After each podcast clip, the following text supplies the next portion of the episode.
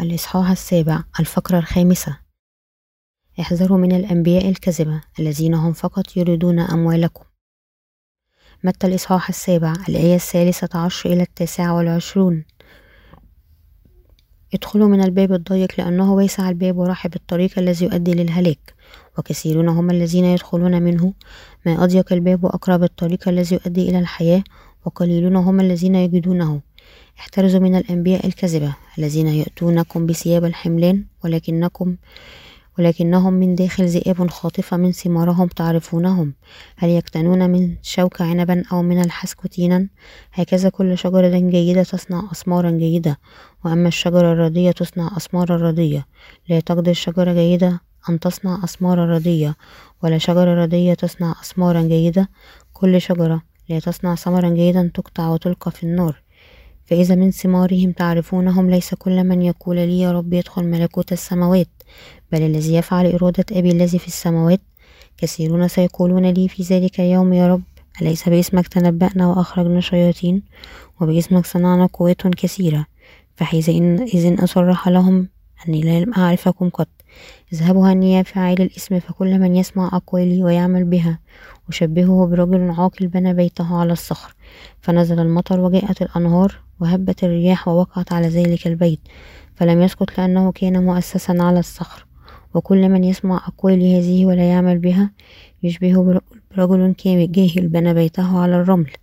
فنزل المطر وجاءت الأنهار وهبت الرياح وصدمت ذلك البيت فسقط وكان سقوطها عظيما. فلما أكمل يسوع هذه الأقوال بهتت الجموع من تعليمه لأنه كان يعلمهم كمن له سلطان وليس كالكتبة. مع الإيمان الذي يثق بإنجيل الماء والروح ربنا أعطانا المقدرة أن نعرف الأنبياء الحقيقيين من الكذبة وكنيسته الحقيقية من الكنائس الباطلة. في متى الإصحاح السابع الآية الخامسة عشر إلى العشرون يسوع قال احترزوا من الأنبياء الكذبة الذين يأتونكم بثياب الحملان ولكنهم من داخل ذئاب خاطفة من ثمارهم تعرفونهم. هل يكتنون من الشوك عنبا أو من الحسك تينا؟ هكذا كل شجرة جيدة تصنع أثمارا جيدة وأما الشجرة الردية تصنع أثمارا ردية لا تقدر شجرة جيدة أن تصنع أثمارا ردية ولا شجرة الردية تصنع أثمارا جيدة. كل شجرة لا تصنع ثمرا جيدا تقطع وتلقى في النار فإذا من ثمارهم تعرفونهم. ربنا أخبرنا أن نحذر من الأنبياء الكذبة وكما حذرنا نحن يجب أن نكون حذرين حقا من الأنبياء الكذبة عندما يفشل قس في أن يبشر بكلمة إنجيل الماء والروح. كلمة الله إلى كنيسته إذا هو لا ينجز خدمته الصحيحة كما يمكن أن مثل هذا يدعى نفسه قسا كخادم الله. مثل هؤلاء الكذابين اهتموا بكيف يظهرون من الخارج ويدعون بشكل منافق ليكون جادين. ومقدسين عندما يبشرون نهائيا.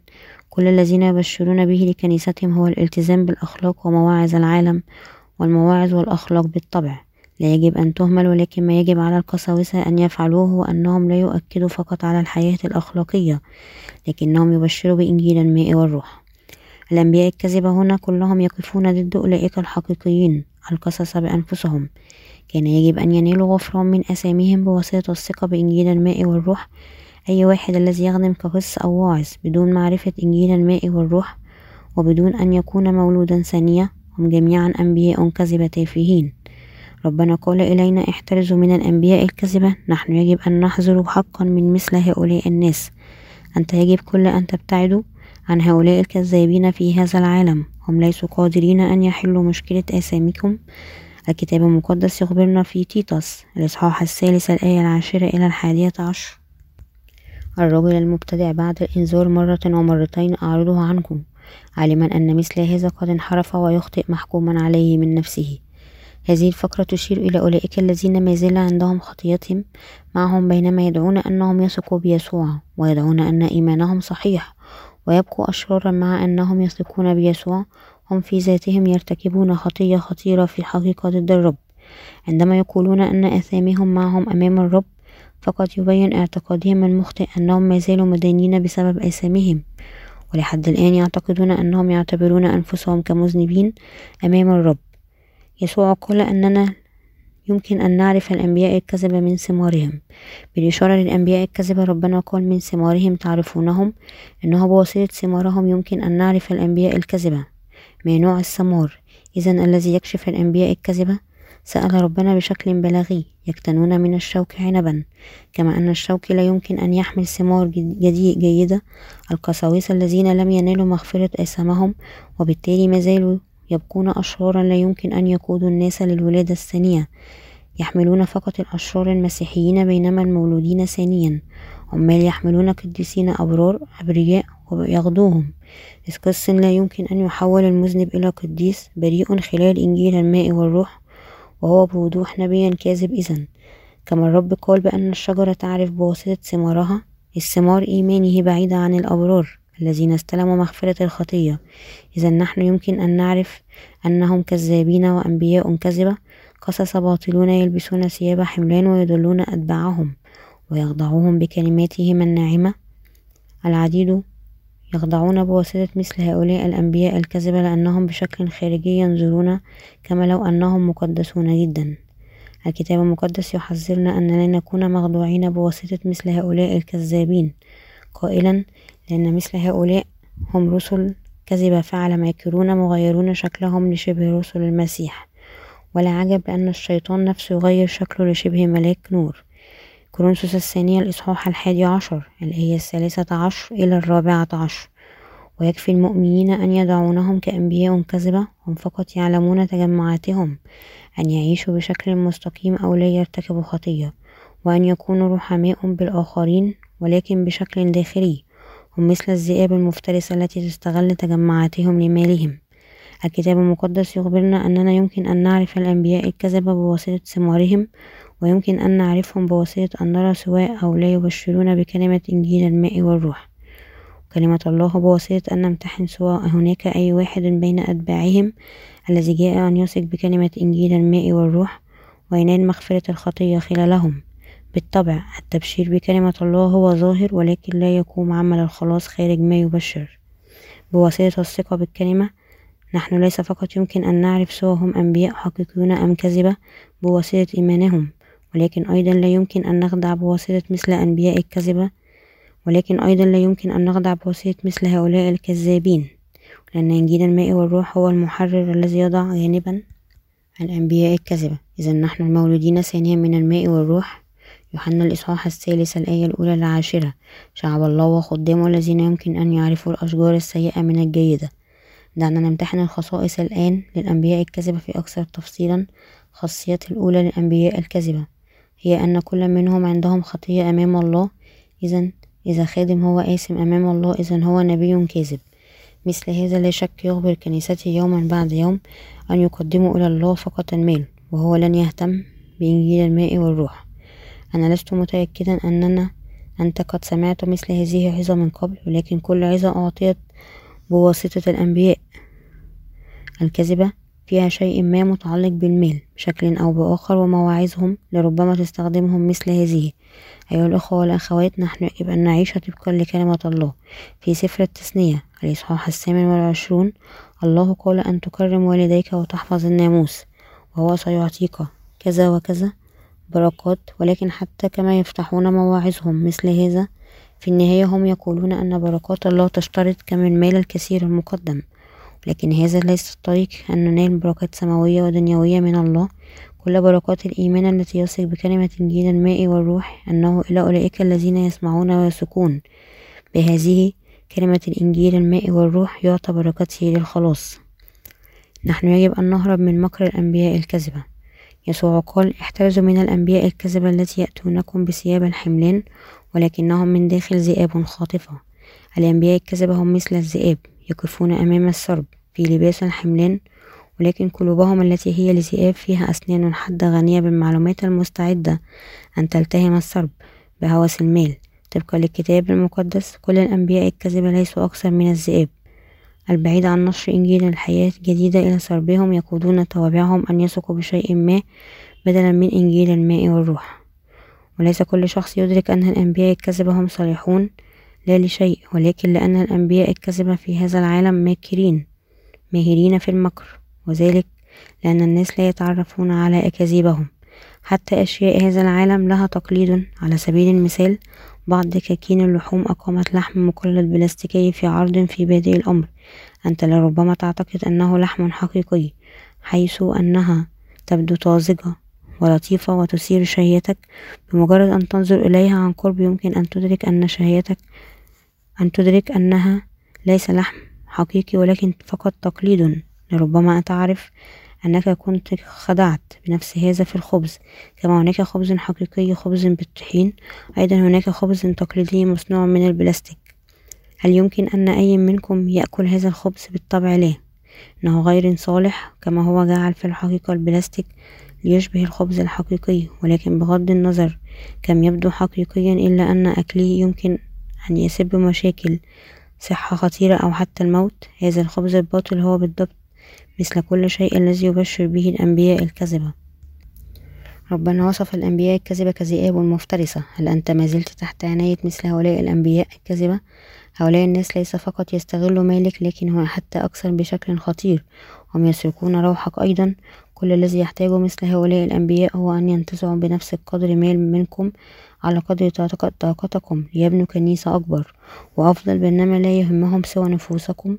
تذهب إلى نار جهنم أم لا في حد ذاته نحن يمكن أن نعرف الأنبياء الكذبة من ثمارهم. هي ثمار الأنبياء الكذبة إذن.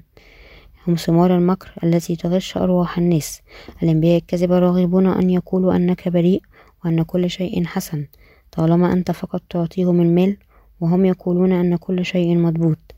كيف تبدو ثمارهم السيئة؟ ثمار خدمتهم الشريرة تظهر كمحاولة مستمرة أن يكبروا تجمعاتهم في العديد بينما يديرون كنائسهم كما لو أنهم يديرون عمل أي المخططات يستخدمون ليضموا أناس أكثر إلى كنائسهم. أن يحضروا أناسا أكثر في كنائسهم على سبيل المثال يعرضون جائزة ثلاجة كبيرة للذي يجلب عشرون عضوا جديدا في السنة إلى الكنيسة. تكييف هواء ذو كفاءة عالية الذي يجلب ثلاثون عضوا جديدا سيارة للذي يجلب خمسون عضوا جديدا وكرسي حمال للعائلة للذي يجلب ميتين عضوا جديدا في السنة ويقيم تقدمة بهذه الطريقة. الأنبياء الكذبة يبتزون أتباعهم أن يجلبوا دائما أعضاء في طياتهم. فقط كم شرير هذا؟ هل كنيسة الله ليست أكثر من منتزه تسوق أو مصرف؟ وبعدما هكذا يضم أعضاء إلى الكنيسة ماذا يفعل الأنبياء الكذبة إليهم؟ الله يوافق على التبشير بإنجيل الماء والروح ويساعدون توابعهم أن ينالوا مغفرة الخطية هكذا الآن الأنبياء الباطلون. قد ضموا نفوسهم إلى كنائسهم. كيف إذا هم إذا يبشروهم؟ يسوع يحبك. على سبيل المثال أولئك الذين جاءوا لكنيستنا لأول مرة. نحن سنعطيكم الشمسية الملونة الممتازة الفاخرة. إلى كل أخت وإلى كل أخ شمسية كبيرة إضافية لكن أنت يمكن أن تستعملها مع أصحابك ويعتقدون أنه إذا العضو الجديد يجيء إلى كنائسهم بمثل هذه الجوائز يصبح شماسا في النهاية. أو شيخ إنجيل الماء والروح يملؤون صناديق الكنيسة بكل أنواع الذبائح. لمثل هؤلاء الأنبياء الكذبة استثمار اليوم الصغير يترجم بشكل فعال في الربح الهائل غدا. لهذا يتمسك الأنبياء بمثل هذه الحشود بالجوائز وإلا أن يعانوا خسارة ليس هناك طريق به يعملون هذا ويكونون حتى لو خمسمائة عضو جديد إذ فقط عشرة بالمئة منهم ينضمون. إذا إنه ما زال هناك ربح. تماما كيف هؤلاء خمسون عضوا؟ سيملؤون صناديق الكنيسة كل العمر. لا شيء إلا هذه هي ثمار الأنبياء الكذبة. في كوريا مثل هذه المسيحية المتاجرة قد انتشرت جدا هناك كان حتى أغنياء التي تعنت بمرح في هذا كانت أبياتها مثل هذا. أخبرونا أن نجيء لكنيستهم وهم أخبرونا أن نثق بيسوع. ثم سألوا مال ومال. كل ما يتكلم عنه الأنبياء هو المال الأكثر. الواحد منهم لربما يقول دعونا هكذا نبني هيكل مقدس ونكرسه لإلهنا. أيها الأخوة والأخوات يريد الله أن يباركنا هنا. في سفر حجي الله أخبر حج النبي أن يبني هيكله. أيضا يكتب الفقرة من حجي في راية ويضعها عليا ويجلب واعظ أحيائي ليثير العواطف ويمرر أطباق للجمع. هو إذا يخبر الشمامسة أنه يجب أن يدفعوا عن 300 قدم مربعة من الأرض. الشيوخ أن يدفعوا على الأقل 1500 قدم مربعة والأعضاء العاديين يدفعوا عن 5000 طابوقة ثم يشكلوا لجنة إنشاء ويبدأ جمع المال من الكنيسة. أيها الإخوة والأخوات إذ بناية كنيسة أكبر حقا هي ضرورة أمام الله ويجب أن تبنى. أنا لا أقول بأن هذا في نفسه خاطئ ولكن إذ ليس هناك حاجة حقيقية. إذ بناية الكنيسة الحالية كافية وكبيرة لكل التجمع. هل يجب أن تبني كنيسة أكبر؟ الأنبياء الكذبة متحمسون للمال الذي يجدون كل عذر أن ينتزعوا مال أكثر. وتوسع الكنيسة الغير ضروري ليس أكثر في مثل هذا العذر. نحن يجب أن نعمل إرادة الله الآب. نحن نريد أن نعمل إرادة الله الآب ولا يجب أن ننفذ إرادتنا الخاصة بشكل عنيد ولكن نعمل كل عمل جيد طبقا لإرادة الآب. من يمكن أن يعمل إرادة الله الآب فقط أبنائه. يمكن أن يفعلوا من يريد أن يعمل إرادة الله. الذين يرغبون أن يعملوا إرادة أبيهم هم أبنائهم فقط. المؤمنون بإنجيل الماء يمكن أن يتبعوا إرادة الآب. ولأننا نحن استلمنا مغفرة الخطية بواسطة الإيمان وأصبحنا أبنائه. نتبع إرادة الآب ونعمل إرادة الآب لنا هو أن ننال مغفرة الخطية. وعلى أي حال هناك العديد جدا من الأنبياء الكذبة في الجماعة المسيحية يمارسون الشر بدلا من عمل إرادة الله. الله سيرفض بالتأكيد كل مثل هؤلاء الكذابين. هؤلاء الأنبياء الكذبة يحتاجون إليه عندما هم يرفضون ولكن يا رب لماذا ترفضنا؟ بينما نحن عملنا بشكل لا يكن لأجلك ونحن بنينا وكرسنا الكنيسة الأكبر لك. ونحن بعثنا آلاف المبشرين من طائفتنا وزرعنا آلاف الكنائس حول كل العالم. كيف أنت إذا تقول أنك لا تعرفني بينما أنا عملت كل هذه الأشياء؟ أليس هناك شيء ما خاطئ؟ ليس هذا فقط غير عادل. ألا تعمل شيء ما خاطئ بشكل خطير لي؟ هل تعاني من مرض النسيان؟ يقول إلى الرب أليس باسمك أخرجنا طرد الشياطين وصنعنا معجزات؟ ولكن ربنا يقول لهم من أخبرك أن تخدمني أنت يا من تمارس الشر. من أخبرك أن تنشر اسمي. من أخبرك أن تعلم الكلمة التي أخبرتك أن تبني كنائس. هل أخبرتك أن تطرد شياطين؟ أن تعمل بواسطة أن تسرق اسمي؟ أنت من تمارس الشر. من أخبرك أن تعمل وأن تكرس نفسك. ابعدوا عني يا ملاعين لأني لا أعرفكم. ما نحن يجب أن ندرك هنا هو أن هؤلاء الأنبياء الكذبة والذين ليسوا مولودين ثانيا. كل سيكونون متروكين بواسطة ربنا نهايتهم النائية تصبح في النار الأبدية لجهنم ونحتاج أن نتعرف على أنه بين الناس المتدينين اليوم هناك العديد الذين يلقون في هذا المكان وهم يعرفون بالتأكيد عندما نحن في الحقيقة نكون في جهنم. لكن أنا سمعت أن جهنم كانت مسبقا مملوءة. هل هناك سيكون غرفة لي؟ ربما الله سيرسلني إلى السماء بدلا من ذلك لأنه ليس هناك فراغ في جهنم. انظر إلى نجوم السماء. إنه أكثر من المحتمل أن بعض النجوم نراها الآن وقد وجدت بلايين في الحقيقة من السنوات ومضت. واختفت. هل تعرف فقط كم كبيرة هذه المجرة حقا؟ عندما ننظر فوق المجرة في سماء الليل للعديد من النجوم أخذوا بلايين من السنوات الضوئية لكي يصل إلينا نورها وتكون مرئية بواسطة عيوننا. الله أبدي ولاهوت القدير يسكن في الكون اللانهائي. ربنا قادر كلي العلم. وكلي الوجود. وليس هناك مكان في الكون حيث هو ليس موجود وهناك لا شيء الذي هو لا يمكن أن يعمله. نحن يجب أن نعرف الأنبياء الكذبة وبواسطة ما يكذبون به وأضاليهم إذ نحن فقط نتبعهم بتهور. نحن كلنا سننتهي في جهنم. ربنا قال فكل من يسمع أقوالي يعمل بها أشبهه برجل عاقل بنى بيته على الصخر. كما قال يسوع بأن كل من يسمع كلمة الله ويعمل بها هو الذي بنى داره على الصخرة. وليس هناك واحد ما عدا ذلك الذي يسمع ويعمل كلمة الله فضلا عن المولود ثانيا. فقط المولود ثانيا يبني دار الإيمان في ملكوت السماوات بواسطة الثقة بإنجيل الماء والروح والتأسيس بشكل قوي على الكلمة. بهذا الإيمان نحن كلنا نبني دارنا بالإيمان. مثل هذه الدار التي تبنى بالإيمان لا تنهار أبدا. ونضرب بواسطة موجات عارمة لأننا نحن بنينا بيوتنا على الصخرة. أيها الإخوة والأخوات كلكم يجب أن تحذروا من الأنبياء الكذبة الذين لا يعرفون كلمة إنجيل الماء والروح وإذا ما كانوا مولودين ثانيا وأنهم يقودون الناس إلى الطريق الواسع للدمار. تحمل الشجرة الجيدة ثمارا جيدة. تحمل الشجرة الجيدة حقا ثمارا جيدة حيث أن الشجرة نفسها جيدة إنه طبيعي أن تحمل ثمار جيدة. المولودين ثانيا. هم, هم مثل الأشجار التي زرعت على النهر. دائما لهم ثمار جيدة طبقا للفصل بغض النظر عن نقائصهم. الشجرة الجيدة إذ تربى بالمخصبات وتسقى بواسطة المزارع. ماذا عنكم إذا؟ هل أنتم أشجار جيدة روحيا؟ هل أنتم أصبحتم شعب الله الذي نال مغفرة الخطية بواسطة الإيمان بإنجيل الماء والروح؟ هل خلصتم من أثامكم بواسطة الإيمان بإنجيل الماء والروح؟ هذا وهل أنتم لذا أصبحتم أبرار؟ إنه فقط الأبرار هم القديسون. الحقيقيون أمام الله فقط المؤمنين بإنجيل الماء والروح يمكن أن يصبحوا خدام الله. كما قال يسوع أن الشجرة تعرف بواسطة ثمارها الروحية. كل الذين يعيشون يتحدثون عن المال هم أنبياء كذبة. ولكن أولئك الذين يبشرون بإنجيل الماء والروح يحملون ثمار بر وهم أنبياء حقيقيون. عندما القساوسة يتوجسون فقط عن المال يعملون أي شيء لبناء كنائسهم حتى ضاع العديد من شعبهم ولم يجاهدوا لأي لأجل آخرتهم. كيف يمكن أن نصفهم كأشجار جيدة؟